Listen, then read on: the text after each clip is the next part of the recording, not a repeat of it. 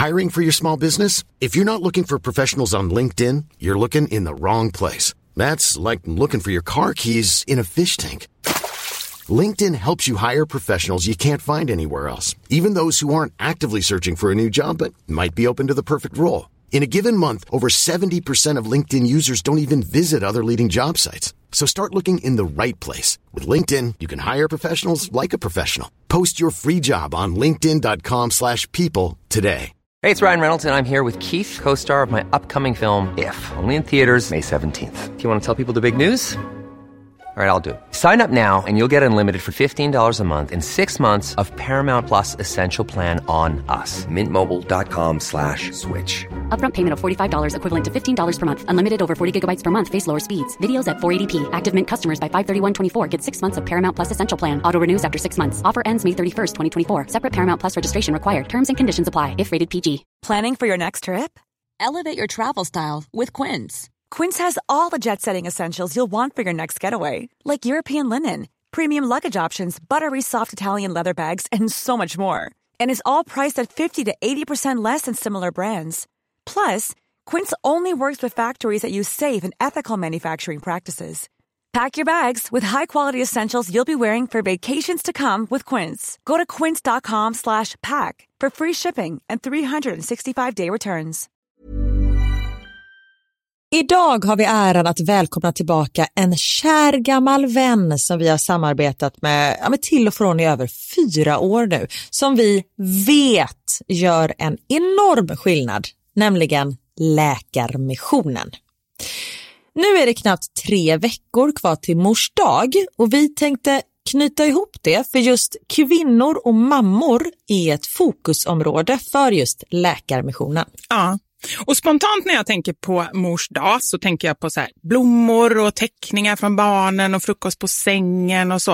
Mm. Men det är ju en lyx som bara vissa kan unna sig. Men det finns en gåva som både du och jag kan ge en annan mamma och det är en gåva som räddar liv, nämligen en säker förlossning. Mm. Visste ni att det varje dag dör runt 800 kvinnor i världen till följd av sin graviditet eller förlossning? Alltså inte varje år, utan varje dag. Mm. Det är Ja, men det är helt oacceptabelt. Och särskilt när man vet att nio av tio dödsfall skulle kunna undvikas om de bara hade fått rätt vård. Mm. Och det är här som vi i vår poddfamilj, för jag, jag ser faktiskt oss, alltså ni lyssnar och mig och Vivi som en stor familj. Ni vet ju typ mer än mig än vad Niklas vet. och, ja, men det är det här som poddfamiljen kommer in i bilden. Och vi har en målsättning och det är lika bra att säga det nu. Men vår målsättning är att få in 500 nya månadsgivare till Läkarmissionen fram till mors dag. Och för det så behöver vi er hjälp. Mm. Och 500 månadsgivare, det kan ju låta lite då med tanke på att vi har 78 miljoner lyssnare. Men den sorgliga sanningen är att det är svårt att få månadsgivare. Det är många som känner att de vill hjälpa till men sen så kommer man inte till skott. Man kanske glömmer av det. Jag vet själv hur det kan vara. Och så tänker man så här, nästa månad ska jag göra det. Men så blir det aldrig av. Så vårt mål är att ni ska se det här som ett tecken på att nu är det dags. Och för att det kanske ska bli lite lättare så har vi en gåva till er som blir månadsgivare. Just nu, så länge laget räcker, så får du ett Mom Wow-armband som gåva när du blir månadsgivare. Det är ett superfint armband som eh, Vivi har tagit fram tillsammans med hennes kollega. Och du kan välja mellan guld eller silver. Så du ger alltså en mors dagpresent som räddar liv och får en fin gåva till dig själv eller till någon annan mamma du tycker om. Gå in på läkarmissionen.se vara sanningar, alltså lakarmissionen.se vara sanningar och bli månadsgivare idag. Ja, så Pausa podden och gör det nu. Det tar typ två minuter. Sen fortsätter du lyssna och känner värmen av att gjort något gott sprida sig i kroppen. Tack Läkarmissionen. Vi har även den här veckan ett samarbete med Rusta Ja, det har vi. Och sist så pratade vi om deras gigantiska utbud när det kommer till saker som man kan pynta och piffa uteplatsen med. Och Karin, nu har jag några nyheter till dig. Wow! Nu har jag nämligen, ja men på riktigt, Jag jag är helt chockad över att jag har nyheter. Exakt. Lyssna på det här. Min lilla balkong, du har ju sett den, den har ju varit totalt kal Ja. i de två åren som vi har bott här. Mm. Nu, nu är den inredd. Allt från rusta och den har blivit så fin. Det är kafébord, två stycken jättefina korgstolar. Jag har en så här lite härlig matta som gör att det känns mer ombonat. Ett insynsskydd där jag har hängt upp såna här solceller och en sak som jag inte ens visste fanns men som har blivit så himla fint. Dekorationsställning heter det. Låter lite konstigt. Är Men det? det är liksom som en ställning som man sätter ovanför bordet. Man sätter alltså fast den på sidan och så är det som en gardinstång högst upp. Nu förklarar jag jättedåligt känner jag. Jag förstår ingenting. Jag får komma hem till dig och titta på din rusta-inredda balkong helt enkelt. Nej men lyssna nu. Man kan alltså hänga eh, ljuslyktor och lite blomslingor i den här och så blir liksom hela balkongen så här ombonad och mysig. Det låter ju helt magiskt. Det är det också. Men jag tänker så här, vi snackar ju fortfarande Sverige. Jag tänker att det kanske är lite kyligt på kvällarna, eller hur? Ja, det är det. Så jag antar att du också har fixat massa nya filtar och infravärme och ljus och annat sånt som värmer dig, eller hur? Ja, men jag har allt. Det är verkligen så himla bra. Just att Rusta verkligen har allt för livet utomhus. Kvalitet till ett bra pris helt enkelt. Precis.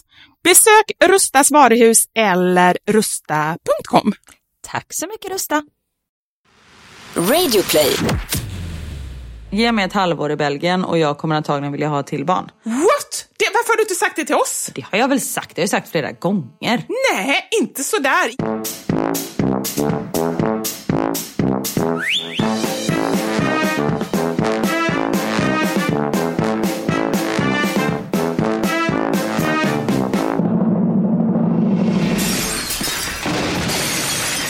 Mamma Sanja med Vivo Karin. Jag kan börja med att be om ursäkt. Alltid en bra början på en podd när någon börjar be om ursäkt. Nej, men om det låter, för nu sitter jag inne i min mammas hus och de håller på att fixa hennes uteplats eller terrass och håller på att mura och grejer. Men nu sa de att de skulle vara tysta. Gick du ut till dem och sa så här, nu ska jag podda och Japp. nu är det 65 miljoner människor som sitter och liksom, vi kan inte störa. Jag tror att jag sa 68 miljoner. Jag sa, nu är det 68 miljoner som kommer att lyssna på mig och Vivi. Och de vill helst inte ha sorl i bakgrunden. Då sa de, okej, då försöker vi vara tysta i en till en och en halv timme. Bra! Ja, men Ja. jag gillar ändå din pondus. Mm, tack. Och sen är mamma så rolig. Alltså, jag älskar mamma. Men... Hon bara, stäng dörren så hör du inte ljudet utifrån. Jag bara, men skämta, det är väl klart att jag stänger den. Ah, Okej, ah, bra. Nej, hon kommer med lösningar. Nej men stäng dörren, det är ju samma sak som jag bara, glöm inte att ta på dig ett par byxor innan du går och handlar. Alltså det är väl så här, Det är ju i och för sig en rimlig påminnelse till mig. ja, det är sant. Inte helt Nej, men både mamma och pappa är sådana, de vill ju bara vara snälla. Men de liksom lägger sig i allting. Men du, Och så här, har barnen flytväst när de åker båt? Ja, men det, är klart, alltså, det var ett dåligt exempel, men du vet, varenda liten grej. Ja. Man bara, men det är väl klart. Men då tycker jag så här, för det här är ju, jag tycker att detta är så intressant, för det är exakt samma med mig. Och just det här med de här råden som är så här, bara helt självklara grejer. Då undrar jag, Ja, men så här, glöm inte att sätta på barnens säkerhetsbältet i bilen. Ja, tack, för jag hade tänkt att sätta dem på taket och att de skulle få hålla sig i räcket. ja, men det är ju som att när de säger sådana saker så känns det som att de tror att jag är helt bakom. Liksom. Ja. Nej men det är ju det man stör sig på. Men då är ju frågan så här. Det kanske är så. Det är så himla lätt. Det är ju så många grejer som man har sagt så här som ens föräldrar har gjort som man känner så här. Nej men det kommer jag aldrig göra. Och här sitter man och gör likadant. Så det skulle inte förvåna mig om när vi är i den situationen och vi har barnbarn. Att man säger sådana grejer. Eller? Ja, och jag kan ju säga sådana saker till mina barn också, men de är ju tre och sex år. Alltså det är så här, förlåt att jag säger det här, men glöm inte att Ja. bla bla bla. Och vad det nu är. Men som sagt, att jag säger till en treåring att han måste ha säkerhetsbälte på sig är ju mer rimligt än att man säger det till en 35-åring. ja, det är helt sant. Nej, men det är intressant. Jag också. Jag pratade med min mamma här nu på morgonen. Hon bara, ja, jag har fått en brevvän. Va? ja! Så himla Älskar konstigt. din mamma. Vadå? Och då har hon fått en brevvän via Instagram. Via sin eh. Kortedala-Britta. Så då har hon börjat skriva, hon skriver lite till folk och så här, det är ganska många som skriver till mig och frågar grejer om henne och jag säger så här, men skriv till henne istället. Och då säger de att ja, men det har gjort jättemånga gånger och hon svarar inte. Vilket Men att de skickar DMs till henne då? Ja, precis. Men hon har ju ingen aning. Jag har ju hennes konto också, så jag kan gå in på hennes konto och kolla. Och jag kan ju se, jag kan ju se liksom så att hon fattar ju inte när hon svarar grejer. Och, och till exempel Elmer sa det till mig bara, det är så konstigt mormor skriver. För Elmer har ju också ett eh, Instagramkonto han är inne typ en gång varannan vecka kanske. Högst. Och då, när han går in där, då har min mamma alltså skrivit så här massa meddelanden till honom där inne. Och jag tror att hon tror att hon messar honom. Hon vet inte att det är inne på Instagram. Du vet så här, hej vad gör du idag? Och såna här grejer. Åh, Så hon har inte riktigt koll. nej. Men samtidigt så är jag jätteglad för hon är ju verkligen en sån som alltid har sagt så här, nej men gud sociala medier, jag är inte ett dugg intresserad. Vem vill se vad jag äter till middag? Alltså du vet lite så. Så nu har hon ju ändå liksom eh, kommit igång och då har hon tydligen då fått kontakt med någon tjej där som eh, har ganska, eh, jag ska inte gå in på detaljer, men har det ganska jobbigt och sådär. Och fråga mig inte hur de har kommit överens om att brevväxla, det borde jag frågat, istället för att skriva på Instagram. För de har ju kontakt där liksom. För att det känns mer äkta att brevväxla. Ja. Det är ju så, så är det ju. Men Samtidigt som då är det så här, hej hur mår du, vad gör du? Och sen så kommer det ju typ sju månader senare. Och bara, här vräker snön ner. Man bara, va? Men det är ju maj. Alltså hur då? Ja men så är det lite. Mamma började ju så här under corona och det sa jag till barnen, så här, kan ni inte skicka brev tillbaka? För att hon har ju så himla tråkigt, hon blir så himla glad när någonting kommer i brevlådan. Liksom. Men det var det verkligen så här, hej vad gör ni? Idag har jag... Och så berättar hon vad hon har gjort. Liksom. Och så är det så roligt när man ändå liksom finns ett sms eller ett samtal bort. Men det är som du säger, det, är liksom, och det känns mer verkligt och det är kul att få någonting. Ja men det är ju det vi har pratat om eh, med de här riktiga vykort som Postnord har. Just ett vykort. För det är ett sms, det kan man liksom, som- det är bara man skickar iväg jättesnabbt. Men ett vykort är liksom lite skillnad. Ja. Du, jag tänkte på en sak. Oj, grattis. Tack! Ja. Nej, det var det. Nej, det var bara att jag hade... Nej, jag skojar. Nej. Jag har ju suttit i bil ganska mycket nu. När jag åkt liksom från Skåne och till Örebro och bla bla bla. Radioreklam. ja. Finns det något sämre? Tycker du? Jag tycker radioreklam är helt okej om man jämför med tv-reklam.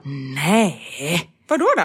Tv-reklam, där tar man i alla fall in liksom professionella skådespelare och man tar väl antagligen in något team, något filmteam och någon regissör och liksom något sånt där. Men alltså radioreklam, igår var det bara, nu kommer jag inte ihåg exakt vad de hette så jag ska inte hänga ut någon. Men de bara, hej det här är Bosse från Tomelillas husvagnar. Vill du bara säga glad sommar?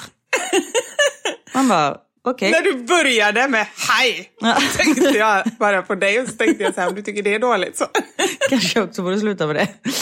Nej, men, och det är väl jättetrevligt att önska någon glad sommar. Men det är ju inte så här att man bara, gud nu ska jag köpa en husvagn eller husbil. Ja, vi åker till han den där trevliga Bosse som önskar oss trevlig sommar. Eller kanske så det funkar. Vet du Karin, på riktigt så tror jag att det funkar så. Och nu får du tänka också lite så här. Du är ändå så här, du är från Göteborg och du har bott i Stockholm och du är i Bryssel. Mm. Jag tänker, för det här var ju en lokal reklam, låter det som. Ja, det, Det är ja. ju inget som går i hela Sverige, liksom, uppe i Umeå liksom. Nej, det är jättemärkligt i så fall. Ja. Ja. Och tänk då att du bor där i närheten och så har, alltså jag tror att det bygger mycket på relationer. Och just det här med att han det. faktiskt inte försöker kränga utan då känner man så här, men då får man en vän i Bosse om man åker dit och köper sin eh, husvagn. Åh, du har ju rätt. Fan, nu vill jag köpa husvagn. Av Bosse i Tomelilla. Ja. ja. Men sen så tänker jag också så här att eh, om du jämför med någon sån här, liksom så här massproducerad miljonjingel så blir ju det här mer, då blir det mycket mer äkta. Och det kan jag ju också uppskatta, eller? Ja, absolut. Men däremot när det är liksom två, när man försöker spara in lite på pengarna. Man tar så här, nej men vad fan vi behöver inte hyra in någon professionell speaker till det här jobbet. Vi tar Gunilla från ekonomi, hon har ju härlig röst. Nej, det är sant. Och det blir så halvdant liksom. Det blir ju inte bra ändå. Ja men för det var någon reklam som bara, hej, det här är Anna och Petra från kaféet på toppen. Kom hit och fika. Här är det jättegott, men vill du dricka alkohol? Ja, då får du gå någon annanstans. Man bara, nej men alltså seriöst, ni behöver ta ett glas vin. Det var äh, vidrigt. Och när man bara så här, det börjar klia på en för man får sån panik. Ja. Nej, men om man återgår till tv-reklam så behöver jag ju säga så här, du bara, men tv-reklam är ju roligt. Ja, men då har du sett Werthers Cola? Ja, men, oh. Alltså alla de här dubbade reklamerna, de kan ju dra något gammalt över sig. Ja, det är ju vidrigt. Apropå dubbat, mm. Pippi Långstrump. Ja. Där Prussiluskan och Kling och Klang, de är tyska ja. skådespelare. Ja, jag vet! Som de var tvungna att vara med typ, för de hade någon deal. Aha. Så de var liksom tvungna att vara med och så dubbade man dem. Är det så? Vet du vad jag trodde att det var? Nej. För jag visste också om att de, inte tyska, jag visste att de var från ett annat land, men jag trodde att det var så att de var jättekända i sina hemländer och så tyckte de så ah, det är en bra idé, om de är med där då kommer ju filmen slå i deras länder också. Ja men det kanske var så det alltså att de var tvungna att vara med på grund av det. Men det känns ju så märkligt när man tittar på det nu i efterhand. Fast jag tycker inte man tänker på det så mycket, tycker du det? Jag tänker inte på någonting annat. jag tror du säger jag tänker inte på något. ja, nej, det gör jag inte heller i och för sig. Men eh, just nu tänker jag bara på Prussiluska. Och det, jag har ju sagt detta förut, att det är så sjukt att... Du älskar ju henne. Nej men det är så sjukt att hon är the bad guy. Hon är ju den enda som har lite vett i kroppen. Ja. Hon är såhär, nej men kan, en åttaårig flicka kan ju inte bo själv i ett hus. Alla bara, Prussiluskan är en idiot! Klart att en åttaåring kan bo själv med en apa och en häst. Man bara, nej fast egentligen är det ju jättekonstigt att hon bor där själv. Ja, ja men verkligen. Undra om Alltså det är mycket i, även i Astrid Lindgrens filmer som är så fantastiskt fina och, och välgjorda och så här, men som inte hade gått igenom om det hade kommit idag. Inte bara, alltså så här, ja, det är många saker. Emils pappa. Uh. Spring, annars kommer han ta livet ur dig. Alltså, det är så här, man bara, nej men ja, spring, din pappa kommer döda dig annars. Ja. Lås in dig i snickarboa. Men ändå, man kollar ju på det och liksom så här... Tycker det är toppen. Nej, men det är ju inte någonting som har blivit... Eh, för många grejer har ju ändå kanske ändrats, tagit bort. De har bytt ord och sådär, men det har de inte ändrat. Nej, men då hade man ju tagit bort allting. Också, men hade inte du en sån eh, mammasanning på din Instagram om det? Just här, om du tycker att du inte har koll på barnen, tänk då lillebrors mamma som inte märkte att lillebror flög runt på Karlsson på takens rygg i ett halvår. Ja, precis. Ja. Och, och, men jag tror att ibland... Exakt så kände jag. När jag sa det kände jag att det här var inte så bra flow i den här meningen. Du hade nog formulerat det på ett lite annorlunda sätt. Fast du fick med poängen. Mm. Och jag tycker så här, jag tycker det är nästan, det är ju roligast när jag kommer på sådana saker som är liksom, som är roliga men det ändå finns en poäng i. Oh. Just när vi är så himla oroliga och vi bryr oss så mycket och tänker hit och dit och liksom sådär. Och det är ju samma sak där med Pippi Långstrump liksom. Ja. Tommy och Annikas föräldrar så bara, jajamän, jättebra idé att du åker ut på de sju haven med en åttaårig kompis med häst och apa. Ja men, men finns Pippi på riktigt? What? Eller alltså jag fattar att hon inte finns på riktigt. Men finns hon i serien eller är hon en fantasifigur hos Tom och Annika? För Tom och Annikas föräldrar ser väl Pippi också eller?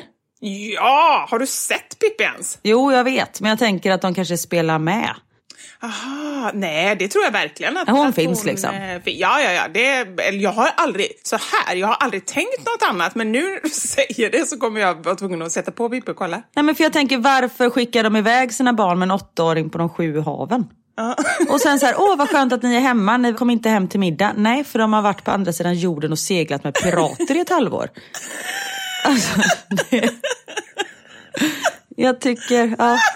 De borde ju vara lite mer som mina föräldrar, att kanske så här double check, check again. Alltså, ja.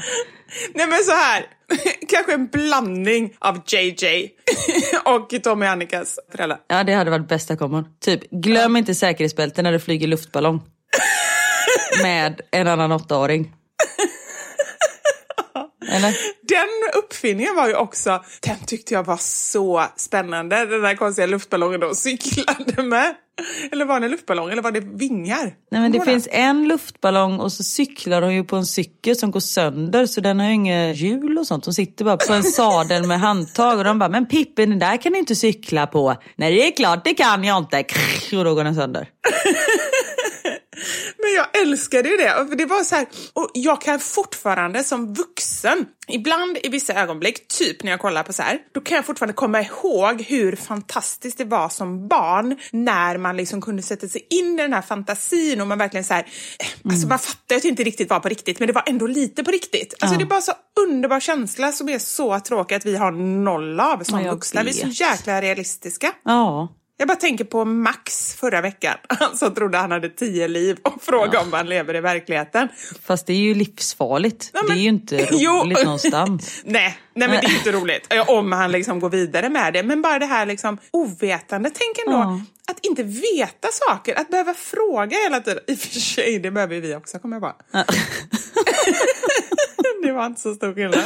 Men min bror sa det, vi hängde mycket här nu i somras. Nu pratar jag som om sommaren är slut, det är det verkligen inte. Men i början av sommaren. Och då så gjorde han någonting, vet, han skulle skoja med barnen. Så jag tror att han drack varm choklad och samtidigt som han blåste ut så han fick varm choklad i hela skägget. Mm. Och jag är så här, men Daniel, du vet, blev så här, oh. Och han bara, men ursäkta mig att jag skojar till det med barnen. Och så här, de asgarvar liksom. Jag bara, men gud vad rätt han har. Det är ju bara att torka bort.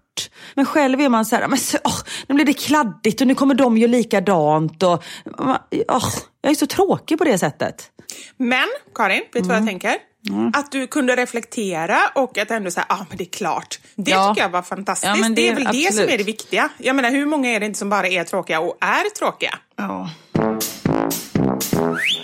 Alltså, leker du mycket med dina barn? Nej.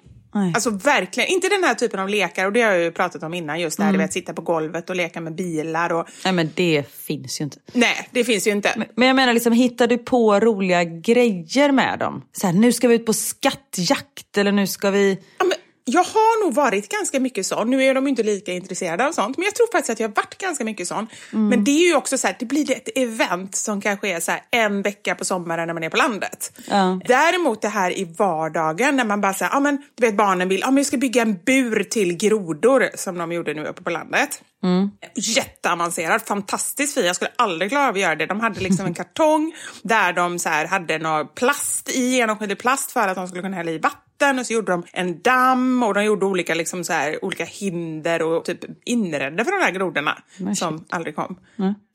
De skulle satt den här? Här är hur mycket grodor som helst just nu.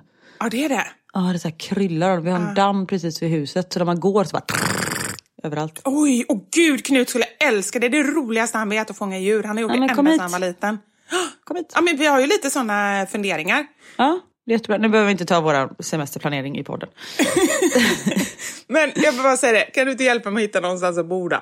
Jo, löser det. Ja. Mm. Men, och, nej, och då är jag så här, liksom, då skulle man kunna, ja men då är jag med på det, men då är jag så jäkla glad att de är lite kreativa själva. Så det är bara så här, gör detta själva, jag kommer och kollar mm. när ni är klara. Mm. Men jag har faktiskt ett, eh, jag har en liten strategi som jag nu faktiskt har satt ord på, som handlar om hur man får igång barnens lek. För det kan jag uppleva att Ibland kan de behöva någon som så här sätter igång leken och sen kan, oh, man, så här, sen kan man gå därifrån mm. och så kommer man tillbaka och liksom så här, kollar på resultatet eller hur det har gått eller sådär. Mm. Så det har faktiskt, om ni har svårt att få igång barnen så har jag skrivit om den här, det är i fem steg, jag har skrivit om det i min bok under mm. kapitel lekar så har jag också en massa olika lektips för barnen. Om någon är intresserad. Du kanske Karin? Verkligen. Nej, men för jag känner att jag är ofta det är alltid någonting man ska fixa, speciellt nu, nu är Niklas här. Men annars ja. är det liksom alltid någonting. Det ska diskas efter frukosten och sen ska det lagas lunch och sen ska man packa strandväskan för man ska åka till stranden och då ska det göras matsäck dit också. Sen, alltså det är alltid någonting. Men vet du vad man ska komma ihåg då Karin? Nej. Och det får jag påminna mig själv om hela tiden. Det är att din uppgift är inte att sitta och leka med barnen. Det är att Sen se till att de att, överlever. Ja men verkligen, och att finnas där. Det är klart ja. att du, det är, liksom, det är det. Om de har några frågor, om de behöver hjälp att få bort en legobit som har fastnat. Alltså sådär, där finns du. Ja. Men att sitta och leka med dem, det kan man göra ibland, absolut. Men det är inte rimligt. Det är det som jag Nej. tror har blivit fel i vårt samhälle och det är därför det är en av grunderna till att vi mår så dåligt. Det är att vi liksom så här, vi ska vara barn. Inte nog med att vi liksom gör hur mycket utflykter och grejer. Allt är ju typ baserat på vad gillar barnen. Ja. Man får dåligt samvete om man så här, ska göra någon vuxengrej och behöver gå i affärer liksom. Ja, verkligen. Men det ska man göra och sen så ska man också sitta hemma och leka med barnen samtidigt som man har liksom, precis som du säger, mat och disk och tvätt och allting. Mm. Och det är liksom inte rimligt. Men jag tänker också så här, för sin egen skull och för barnens skull att självklart ska man ibland bara så här, strunta i allt och bara nu sätter jag mig med dig här. Mm. Och då gör man det. Men det är ingenting som är så här, åh det ska man göra två timmar om dagen för annars är man ingen bra mamma. Bullshit tycker jag. Mm, nej, verkligen. Och det är skönt att du säger det, för det är så jag känner också. För Max är ofta så här, mamma kan du inte leka med mig? Och då vill ju han att man sitter och leker liksom Pokémon. Och det är ju bara, nej men skjut mig. Alltså, nej. Och vad är det som gör att man tycker att det är så... Alltså det är så här, det är ju inte bara så här, okej okay, jag kan sitta där en stund, men det är liksom så här, du vet man ska gå in i deras värld, jag har berättat det innan. nej men jag får dödsångest. Ja, nej men det är någonting som gör så här att man inte riktigt klarar av det. Knut hade ju en period när han ville att vi skulle leka kråkor eller skator. Mm. Ja, jag berättat innan. Alltså det var du vet så här, bara sitta och flaxa och bara kra, kra. Och vad jag än sa så var det så här, nej inte sån röst! Ja. Eller du är ju mammakråkan, du kan inte låta så. Nej, men det är just det att de har så jävla mycket åsikter. Man bara, men låt mig leka på mitt sätt. Max är så här, och så sitter du där och sen säger du så här och sen så gör du så och då kommer jag och då reagerar du så här och sen blir du arg men sen blir du glad. Man bara, okej okay, vänta, skulle jag bli arg först? Eller så här. Och så börjar man och så blir man lite arg. Nej, du skulle inte, du lyssnar inte! Och så blir man skitsur. Man bara, men hur jävla lätt är det? Ska jag vara en jävla Pokémon-boll eller vad det ska vara? Ah, nej, mer lek åt barnen och mindre dåligt samvete. Åt... Ja, Ah. helt riktigt. Tack.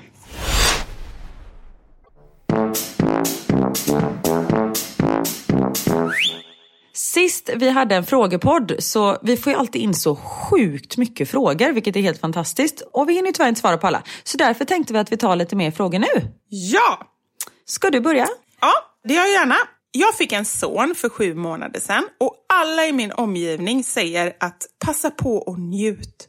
Jag har så svårt för att njuta och uppleva riktig lycka. Jag undrar, när kände ni er lyckliga i vardagen senast? Och vad gör ni för att känna lycka? Oj. Jag har faktiskt en liknande fråga. När mår ni som allra bäst hade jag tänkt då. Men det är ju samma sak som den här typ. Aha. Vad tråkigt att inte känna lycka, tänker jag. Ja. Och vet du vad jag tänker? Nej. Jag tänker att det kan höra ihop med det som jag pratade om i förra podden, just det här med att ha svårt att vara närvarande. När hjärnan hela tiden är någon annanstans, då är det ju jättesvårt att känna in vad man än gör. Om man sitter med sin bebis och ammar, om man äter en god middag, om man umgås med vänner, om man har sex, vad det än är, så har man ju svårt att vara närvarande. För jag tror faktiskt, om jag ska vara ärlig, att lycka är ofta att kunna vara närvarande där man är. Och det är det som jag ska börja jobba på nu och har redan börjat liksom att mer försöka liksom om du sitter med din son och jag tänker så här att det behöver inte vara så långa stunder. Ofta så sätter vi alldeles för höga krav på oss själva och så känner vi oss misslyckade. Att man säger nu ska jag vara lycklig hela den här dagen. Nej, tro fasiken att man inte kan vara i nuet och känna in allt en hel dag om man inte har liksom klarat det korta stunder innan. Utan då tänker jag så här, man kan öva, låt säga då att barnet ligger på en filt eller sitter liksom och leker med några klossar eller vad som helst. Att man bara sitter bredvid, man gör det bra för sig själv, man tar en kopp kaffe, värmer kaffet så man till och med har varmt kaffe. och så sitter man bredvid och så bara liksom så här, njuter man av sitt kaffe, försöker känna hur smakar det, man tittar på sitt barn och försöker tänka och liksom känna sig in i hur barnet har det och bara liksom vara i nuet, att man övar korta stunder. För jag tycker att när jag upplever lycka, det är bara glimtar som jag kan känna, du vet, så här, det kommer ett rus i kroppen och så varar det väldigt kort stund. Men då är det liksom ofta när jag känner att jag faktiskt kan vara i nuet. Och det spelar inte så stor roll, det kan vara helt olika saker. Det kan vara liksom när jag ligger med Knut på morgonen i sängen och pratar och, och liksom han frågar mig någonting, jag bara känner så här, vi ligger där och skrattar och flamsar. Eller så kan det vara när vi sitter och kollar på TV på något program på kvällen. Eller när Elmer, när han tycker någonting är kul så blir han väldigt, väldigt engagerad i det. Och han sitter och berättar någonting så jag fattar ingenting om det. Men jag känner ändå så här att han är så engagerad så jag bara känner så här, jag mår bra. Och då kan det också komma ett sånt rus. Och att det kanske är det som man liksom, det kanske inte ska vara så mycket mer än det. Gud vad du är klok. Det var ganska klokt, eller hur? Ja, det var fantastiskt klokt. Jag tycker vi avslutar den här podden här nu. Vi avslutar nog det på topp. Jag ska. Nej. Nej men så himla bra. Och det, alltså just det här när man får barn och folk är så åh det var den lyckligaste tiden och njut och njut av ditt barn. När jag fick barn, det här barnet kom också med otroligt mycket oro. Alltså man blir ju orolig för någon annan människa. Någonting som man liksom inte riktigt har känt tidigare. Och det tror jag att man måste verkligen tillåta sig själv att reflektera över och acceptera. För det är inte bara liksom lycka att få barn. Det, man är orolig för deras hälsa, man är orolig för deras framtid. Kommer de få kompisar? Tänk om de blir mobbade? Alltså alla de här tankarna. Mm. Men också som du säger att det beror nog lite på att man har så mycket runt omkring sig och att man måste bara så stanna upp. Jag kände sån riktig lycka häromdagen. Vi var på Ystad Saltsjöbad och käkade lunch. Niklas och barnen och hundarna och jag. Och det var där vi gifte oss för 11 år sedan nu ja, så, Och vi åker dit varje år liksom. Och varje gång vi är där, för det stället är förknippat med så mycket glädje för min del. Så jag behöver liksom du vet, bara komma dit och det regnar och det var grått. Alltså det var så här, det var inte ens en vacker dag. Men vet, både jag och Niklas vi var så här, åh, du vet att man bara tittar på varandra och bara, fan det var här det började liksom. Och just att man kommer tillbaka till de känslorna. Så då kan man ju tänka så här, men när mådde jag riktigt bra senast? Och då menar jag inte att jag mådde riktigt bra senast för 11 år sedan. Men att man har liksom så speciella platser. Eller att det är så här, nej men när jag äter mannagrynsgröt då tänker jag på min gammelfarmor för hon gjorde alltid det till mig. Och då mm. kan man liksom så här, men att man hjälper lyckan lite på traven. Kanske kan funka. Bra! Jättebra! Alltså, ja, åh, nu blir jag helt, nu blir jag lycklig. Nu fick jag en sån här lyckokänsla. Då får du gå tillbaka och lyssna på den här podden. När du känner dig lite nere så lyssnar du precis 28 minuter in i avsnittet. Så, ja. Nej men gud mm. vad härligt. Mm. Ska jag ta en fråga då? Ja. ja men lite på samma ämne här som vi pratade om. Vad är det bästa respektive tuffaste med att ha barn? Och jag tycker ju absolut att det tuffaste är den här oron man har. Ja. Nej, men just att man, framtiden är liksom oviss och man vet inte hur det kommer gå för dem. Och man vill ju, alltså jag skiter fullständigt i om mina barn får liksom toppbetyg. Jag vill bara att de ska må bra. Sen är det såklart en bonus om de är duktiga i skolan så de liksom kan leda till bra saker. Mm. Men det är verkligen inte prio ett. Huvudsaken är att de är lyckliga och att de är snälla mot andra människor. Mm. Och allt det, det vet man ju inte. Det kan ju liksom, nej men någonting kan ju hända eller vad fan vad som helst. Och det är sånt som man inte vet någonting om. Och det är det som jag tycker är det tuffaste. Och det bästa är att man bara får, så här, ja, men får uppleva livet genom deras ögon. Ja, men som Max, är det här verkligheten? Ja, tyvärr är det det. This is as good as it gets baby. Ja, ja men det skulle jag nog säga. Mm. Ja, men jag vet du, nu är jag ju hur tråkig som helst, men jag känner ju exakt likadant. Mm. Precis det du säger.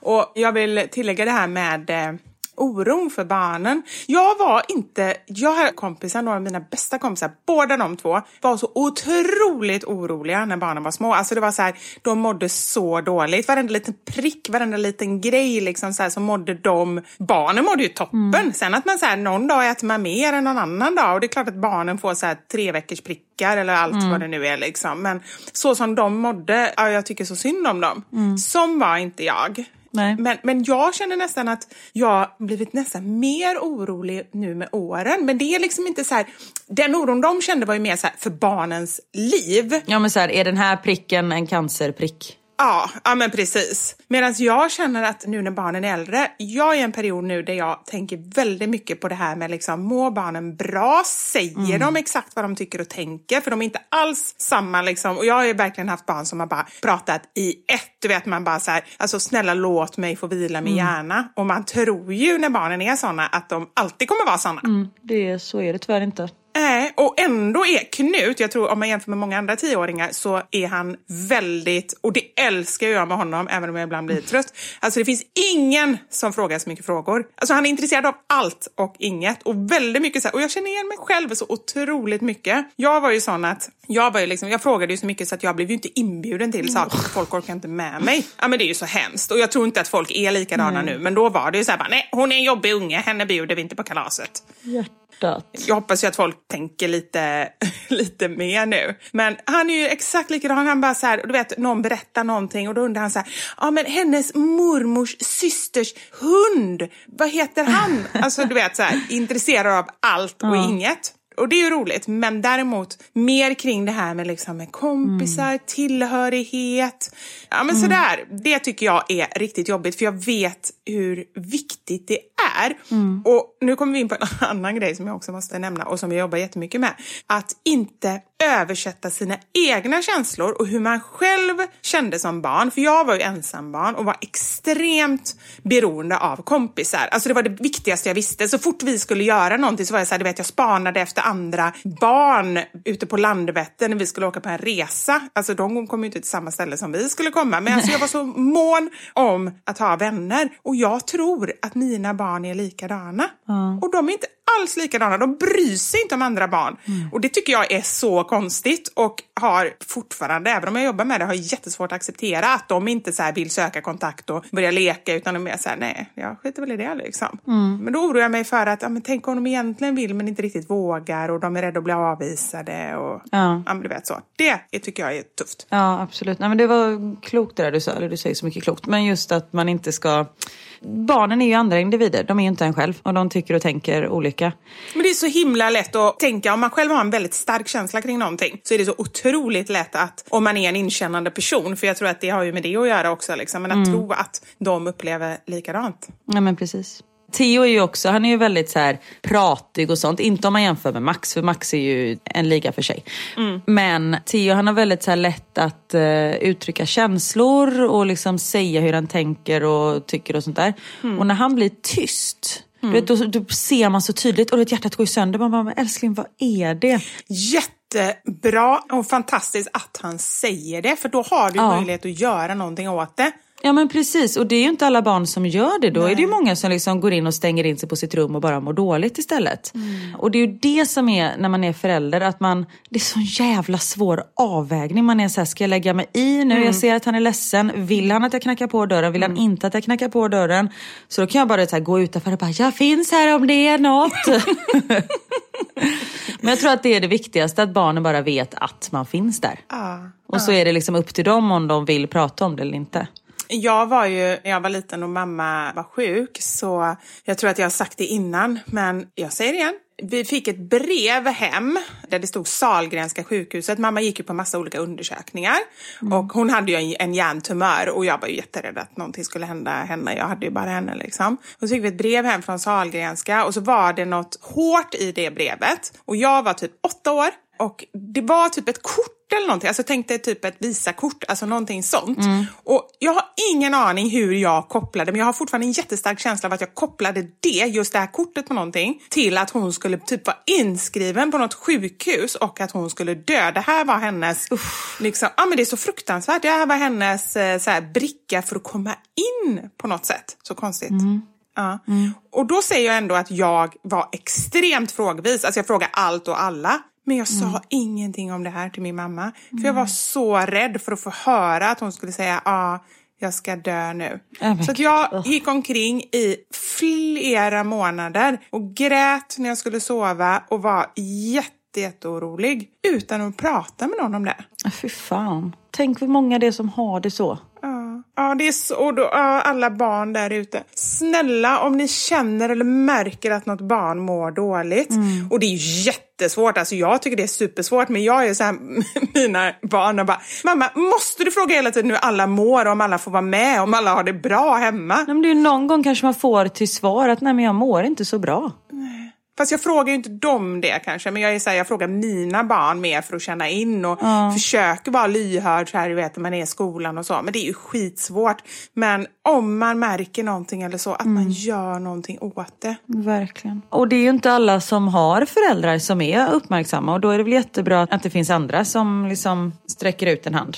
Och sen också så här, och det är ju så himla hemskt, men en av mina närmaste kompisar när jag var liten, hon hade det verkligen inte så bra hemma på olika sätt. Och eh, hennes föräldrar, de var ju aldrig och kollade på någon aktivitet eller på någon match eller liksom så här, och körde aldrig. Mm. Och då, så de andra föräldrarna, inklusive min mamma, vi har pratat om det nu efteråt, så här, men gav henne så här pikar. Alltså typ så här, ja, ja men det är inte alla som eh, har, vissa åker ju bara med. Amen. Och ja, det är inte alla som har eh, föräldrar som kör. Ja men så fruktansvärt. Och vi har ju pratat men det ska ju vara tvärtom. Ja. Nej, men då tyckte väl de så här, men det får vi köra hela tiden och det är jobbigt för oss och så. Vilket så kan det ju vara, att det kanske var lite extra jobbigt för dem. Men det är ju inte barnens fel. Nej, det tror precis. jag inte man skulle göra i dagsläget, eller vad tror du? Nej, nej, nej, det tror jag absolut inte.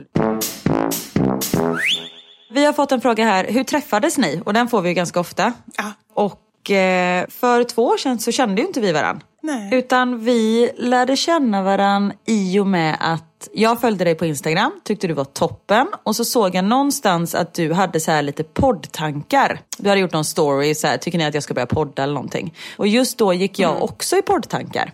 Och så hörde jag bara av mig till dig på DM och bara hej, vill du starta en podd med mig? Och så träffades vi på en kaffe och det sa klick. And here we are. Karin, nu känner jag den där lyckokänslan. ja. men nu, jag tror också det, för att gå tillbaka till lyckogrejen, att det gäller att reflektera när man känner det här lilla pirret eller glädjen eller så här, att man liksom också så tar till sig det och försöker säga, men nu kände jag det, istället för att tänka på alla gånger man inte känner det. Precis, exakt. Ja, men helt rätt, man ska verkligen reflektera när man känner det och det kan bara vara en liten grej. Alltså det behöver inte vara så här, åh gud, så här lycklig har jag aldrig varit i hela mitt liv, utan bara så här, ja men gud, när bebisen log så där, shit, då fick jag ändå de här underbara känslorna, eller då kände jag ändå någon typ av glädje och att man Ja. reflekterar över det.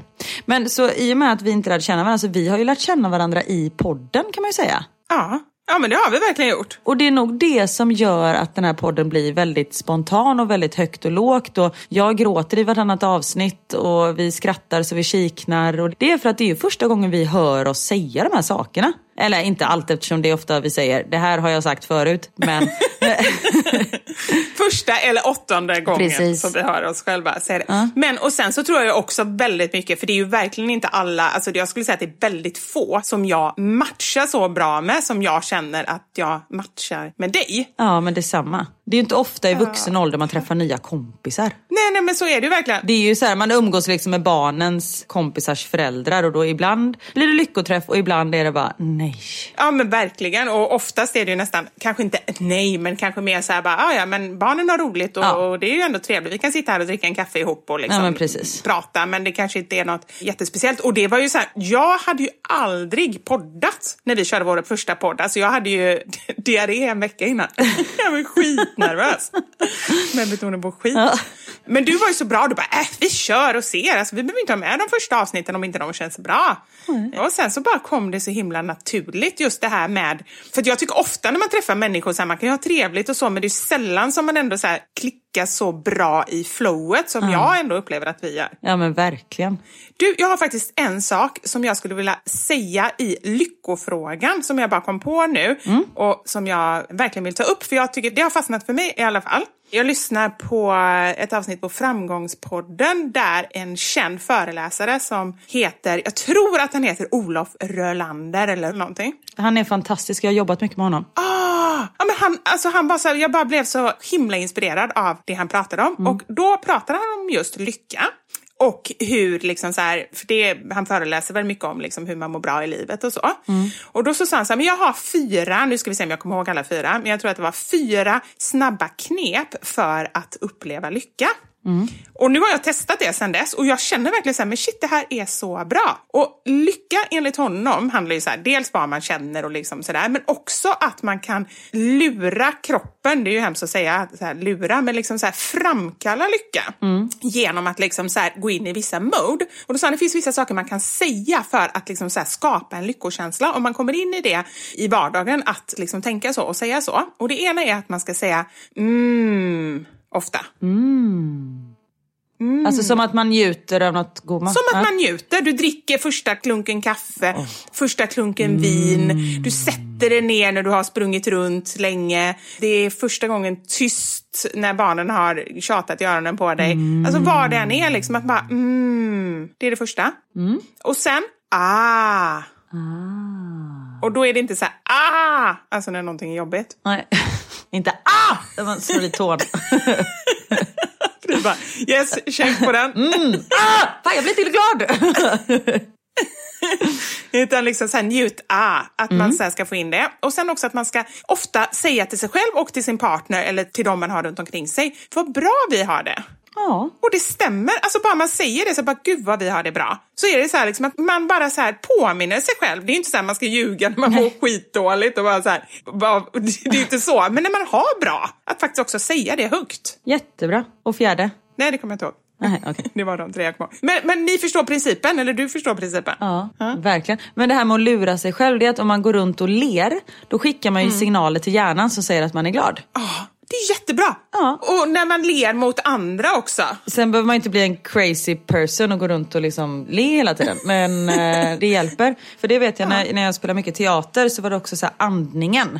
Att om man skulle vara arg, att man liksom eldade upp sig själv med att liksom andas snabbare, vilket man oftast eh, gör när man är arg. Och då som sagt, då, då skickas signaler till hjärnan att man ska känna den känslan. Så man kan liksom lura sig själv lite. Sen som sagt, det är ju den äkta varan det absolut bästa. Men man kan ju ge den en liten eh, skjuts. Ja, jättebra. Okej, nu har jag en fråga. Yes. Jag har så himla svårt att komma på middagar och mat och särskilt nu på sommaren när man vill att det ska gå snabbt. Ge ert bästa enkla sommarrecept, max fem ingredienser. Jag skulle nog säga så här, köttbullesallad. What?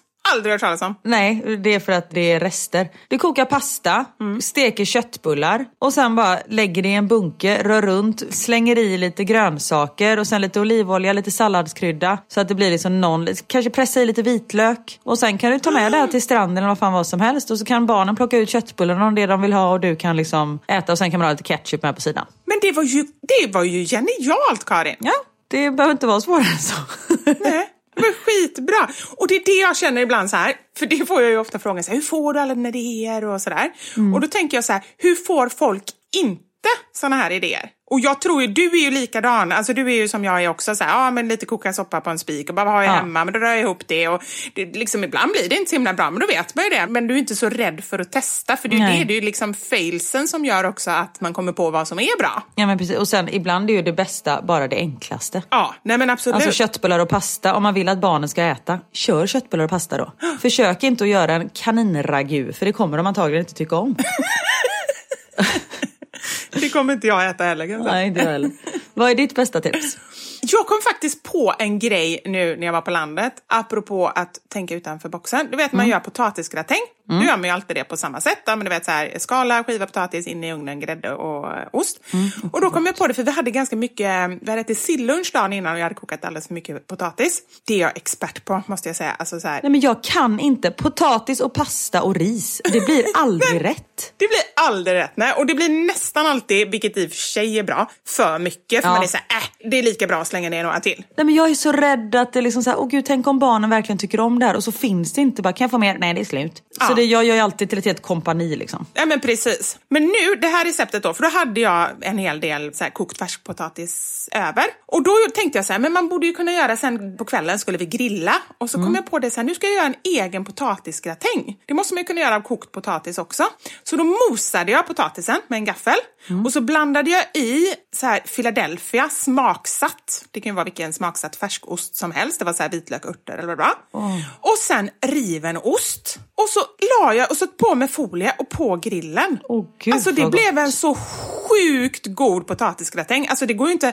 Det är ju potatisgratäng eftersom det är potatis i en gratängform. Mm. Men varför har man inte tänkt på det innan? Att man kan göra så på liksom potatisrester. Men la du det i en form också eller hade du det som folieknyten? Nej, det kan man göra också. Nej, jag la det faktiskt i en form. Jag mosade ihop det liksom så det blev som, den såg ut som exakt som en potatisgratäng liksom. Och så jättekrämig och smakrik och bara tre ingredienser. Det är perfekt att man kokar liksom extra potatis och så har man det. Ja, och det tycker jag man kan tänka på att göra nu under sommaren när det är liksom när man lagar lunch och middag hemma. Att man kokar potatis till två middagar. Så behöver man inte stå och liksom, för när man står och skalar då är det skitsamma om man skalar 20 potatisar eller 30 potatisar. Det är lika tråkigt ändå. Men då behöver man bara göra det en gång istället för att liksom... Eller skala, förlåt. Ja, mina barn är... Skala är ju skitjobbigt, men man, måste man skala? Nej, nej, verkligen inte. Men mina jävla skitungar äter inte skal. Men du, då på riktigt den här gratängen.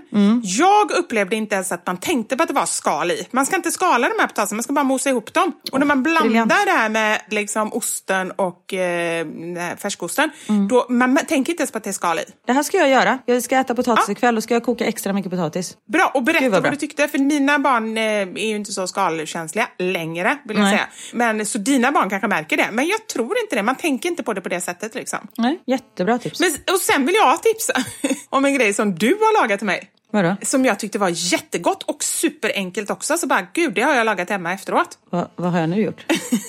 Du har bara bjudit mig på middag en gång. Ja, just det. Mm. Alltså inte för att du bara vill bjuda mig på middag en gång, utan det... För att jag bytte land. Eller- det kanske var så. Det kanske var därför du bytte land. Nej.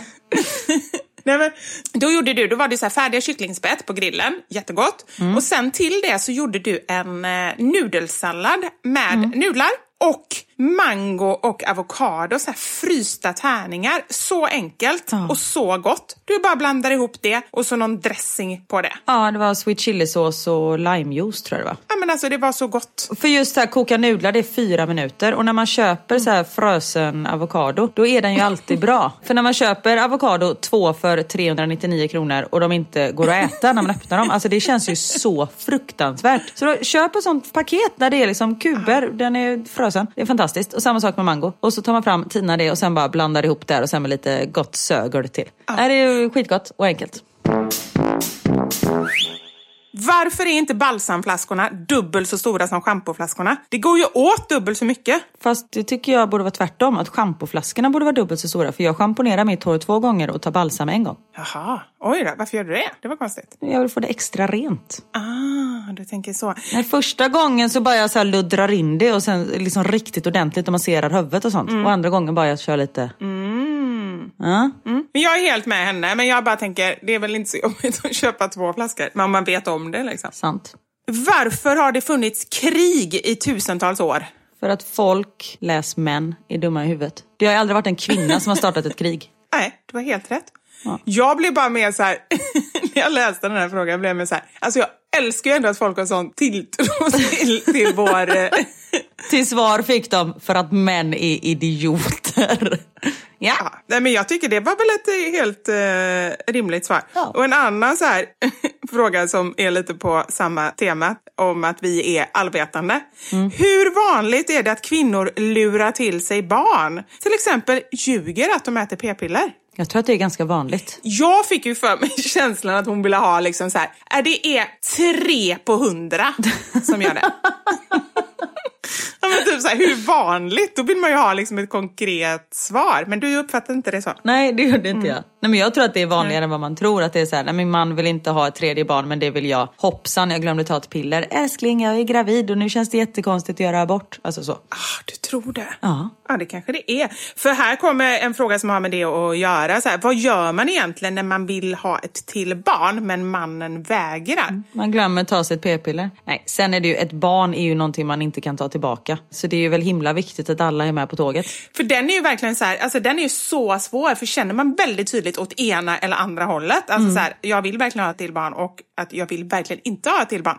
Det är otroligt svårt att kompromissa. Många grejer kan man säga, om jag vill bo i stan, nej jag vill bo på landet, okej bra, vi bor i en förort. Alltså Ja, man precis. kan kompromissa, men det här är ju verkligen, nej, antingen eller. Man kanske kan skaffa ett fosterbarn som man har på helgerna. Ja, nej, men lite så. Och det, på riktigt så tror jag också så här, just det här typ med husdjur, det tror jag ofta, även om man kanske inte säger det, så kan det vara liksom någon typ av kompromiss att en vill ha ett till barn och en vill inte det. Ja, men då skaffar vi en hund. Nu kanske jag är jätteelak när jag säger så här, men I och med att jag precis har skaffat en valp menar du? med dig tror jag inte att det är så, för du, Nej. du vill ju hellre ha hundar än barn. Ja gud ja. Hellre, alltså jag hade lätt bytt ut Theo och Max mot två ridgebacks till. Utan, nej det hade jag inte gjort.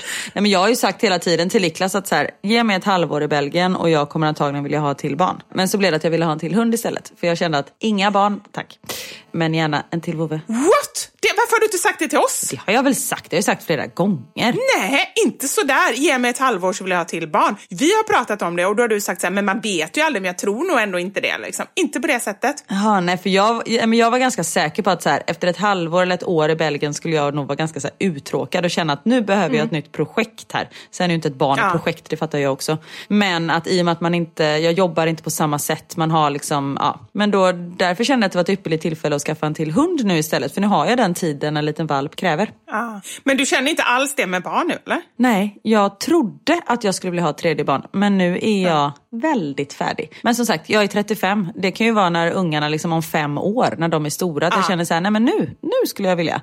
Men då är ju Niklas 47, 46. Ja, men det, Det är, ju, det är ingen ålder för en man. Och inte för en kvinna heller, vill jag tala om. Nej, absolut, men det är ju inte en självklarhet att man kan bli gravid när man är 46. Nej, nej, du menar så. Nej, jag tror du menar bara allmänt. liksom. Ja, nej, inte allmänt. Jag tänker i barnasyfte.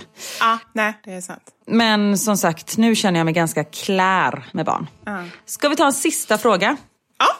Hur är ni att leva med? Oh, shit. Jag tror faktiskt, den behöver jag nästan inte svara på, för jag tror att ni som lyssnar på den här podden, ni vet exakt hur det skulle vara att leva med mig. Ja, men det är verkligen så, för jag tror att jag är... Det vill säga helt underbart. Ja, det skulle man kunna tycka. Jag tror att det är så här. Jag tror att jag har många sidor som är så roliga och galna. Men sen också tror jag många människor skulle inte klara det. För det är verkligen så. Jag är exakt lika förvirrad i verkligheten. Och jag har sagt det innan, jag säger det igen. Eloge till Anders som liksom så här, inte bara så här klarar av det, utan också så här tar det på ett väldigt bra sätt. Han omfamnar det. Alltså så här, inte, ja men han omfamnar det. Men jag tror att jag har att göra med också att han är lika förvirrad. Han skulle boka så här tågbiljetter igår. och så bokade så här till Göteborg och tillbaka. Och så bara helt plötsligt hör jag bara helvete jävla skit. Då har han bokat liksom omväg resa. Alltså att han åker från Göteborg till Stockholm och sen Stockholm till Göteborg. Nej. Ja, men det Och så bara går så det här, typ inte att byta. Nej men det blir det också så här. Han bara, jag kan inte boka av och nu är det för sent och du vet så här. Eh, så att jag tror ju att hela grejen handlar också om att han har, eh, han är likadan själv och jag har ju full förståelse. Då satt jag där och liksom bara var mentalt stöd. Jag tror många skulle bli så irriterade bara, "Ah, men herregud hur svårt kan det vara? Och så blir man arg liksom. Så ja, sån tror jag att jag är. Spontan och galen och väldigt mycket upp och ner. För jag så här, ni ibland kanske bara ser och hör det här liksom happy clappy. Men jag är, är ganska, jag har mina dalar och, och då är jag nere. Men det är inte så långa stunder utan det kanske är 20 svängar på en dag ungefär. Och du?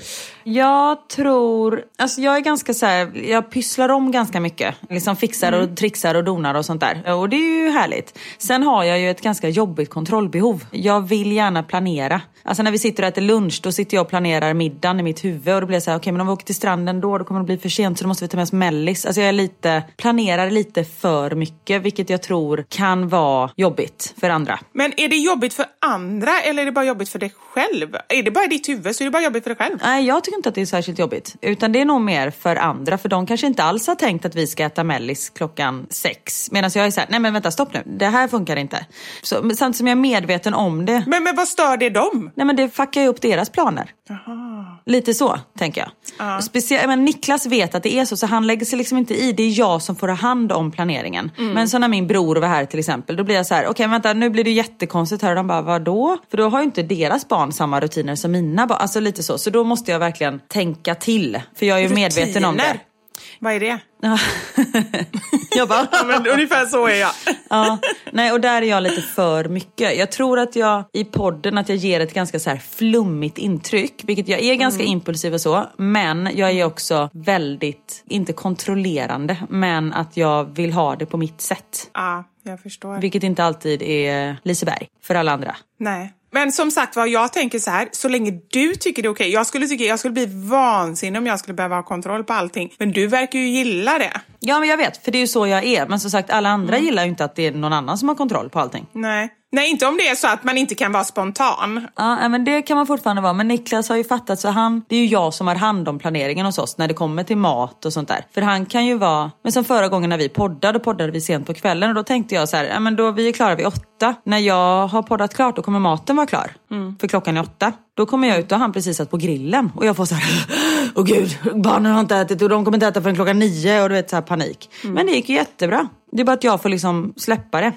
Ja, jag fattar. Men annars tror jag att jag är ganska rolig att leva med kanske. Det tror jag också. Det tror jag verkligen. Skulle jag vilja leva med någon annan, skulle jag bli gay, Ja. då... Eh, jag har ju så svårt att tänka det sexuella när man inte alls känner så. Det är ju väldigt svårt. Men om man bara tänker liksom så här, leva med någon, då tror jag att jag... Ja. Jag skulle nog kunna ta att du är liksom så här kontrollerad. Då skulle du säga, ja men då får du väl vara det och så får jag göra min grej. Jag tror jag skulle ha så ganska bra förståelse. Jag skulle, ja, jag tror jag skulle tycka om att leva med dig. Men om vi, vi gör så här, om vi är 80 år och får för oss att vi är homosexuella, då kör vi. Då är det du och jag. Då är det vi två. Jajamän, jag är på. Tidigare än så också. Gud vad härligt. Se, mitt kontrollbehov, skönt. Nu är det liksom bestämt. Då behöver jag inte tänka mer på det. ja, precis. Och jag kommer glömma det om två minuter. När det är 80, det var, det var något jag skulle göra nu. Men jag kommer inte ihåg vad det var. Ja, ja, men då har jag skrivit upp det, ser du. ah, Ja. underbart. Nu är tiden slut för idag. Nu är det någon annan som ska komma in i studion här. P4 Extra står och knackar på dörren. Jag skojar. Möjligtvis din mamma som knackar på dörren. Min mamma står och knackar på dörren och säger att nu vill jag kunna röra mig i mitt eget hem. Ah, härligt Karin. Tack för en underbar eh, pratstund. Jag känner mig, jag har upplevt... Ja men tack och vilka bra svar vi måste säga att vi fick till. Speciellt det här med lycka. Jo, men jag känner också det. Nu helt plötsligt så känner jag så här, det- vi är inte alls de här, möjligtvis lite flummiga, men vi också, vi har väldigt eh, mycket i grunden för det vi säger. Ja, men vi har ett djup. Har, det är det det. Vi har ett djup. Vi har ett djup. Jag bara kände när jag började prata att jag höll på att förstöra allting. Förlåt.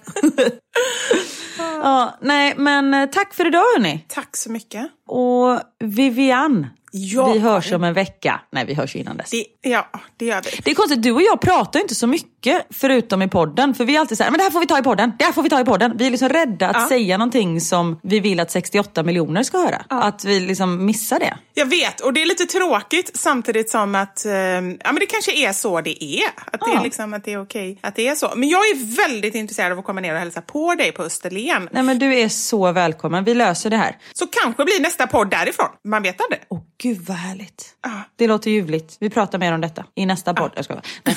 Tack för att ni har lyssnat hörni, så hörs vi igen nästa vecka. Ta hand om er och ta det lugnt i... Eh, Stranden. det blev så dåligt. Eh, ta det lugnt. Ha det gött! Hej!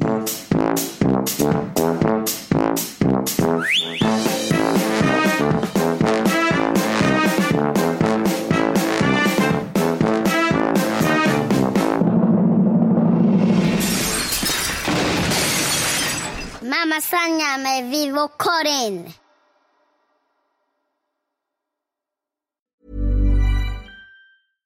Imagine the softest sheets you've ever felt. Now imagine them getting even softer over time. That's what you'll feel with Bowl and Branch's organic cotton sheets. In a recent customer survey, 96% replied that Bowl and Branch sheets get softer with every wash. Start getting your best night's sleep in these sheets that get softer and softer for years to come. Try their sheets with a 30-night guarantee. Plus, get 15% off your first order at bowlandbranch.com. Code BUTTERY. Exclusions apply. See site for details.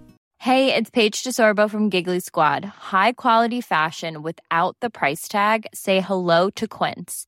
I'm snagging high-end essentials like cozy cashmere sweaters, sleek leather jackets, fine jewelry, and so much more. With Quince being 50 to 80% less than similar brands. And they partner with factories that prioritize safe, ethical, and responsible manufacturing. I love that. Luxury quality within reach. Go to quince.com slash style to get free shipping and 365 day returns on your next order. Quince.com slash style. Hi, I'm Daniel, founder of Pretty Litter. Cats and cat owners deserve better than any old fashioned litter. That's why I teamed up with scientists and veterinarians to create Pretty Litter. Its innovative crystal formula has superior odor control and weighs up to 80% less than clay litter. Pretty Litter even monitors health by changing colors to help detect early signs of potential illness. It's the world's smartest kitty litter. Go to prettylitter.com and use code ACAST for 20% off your first order and a free cat toy. Terms and conditions apply. See site for details.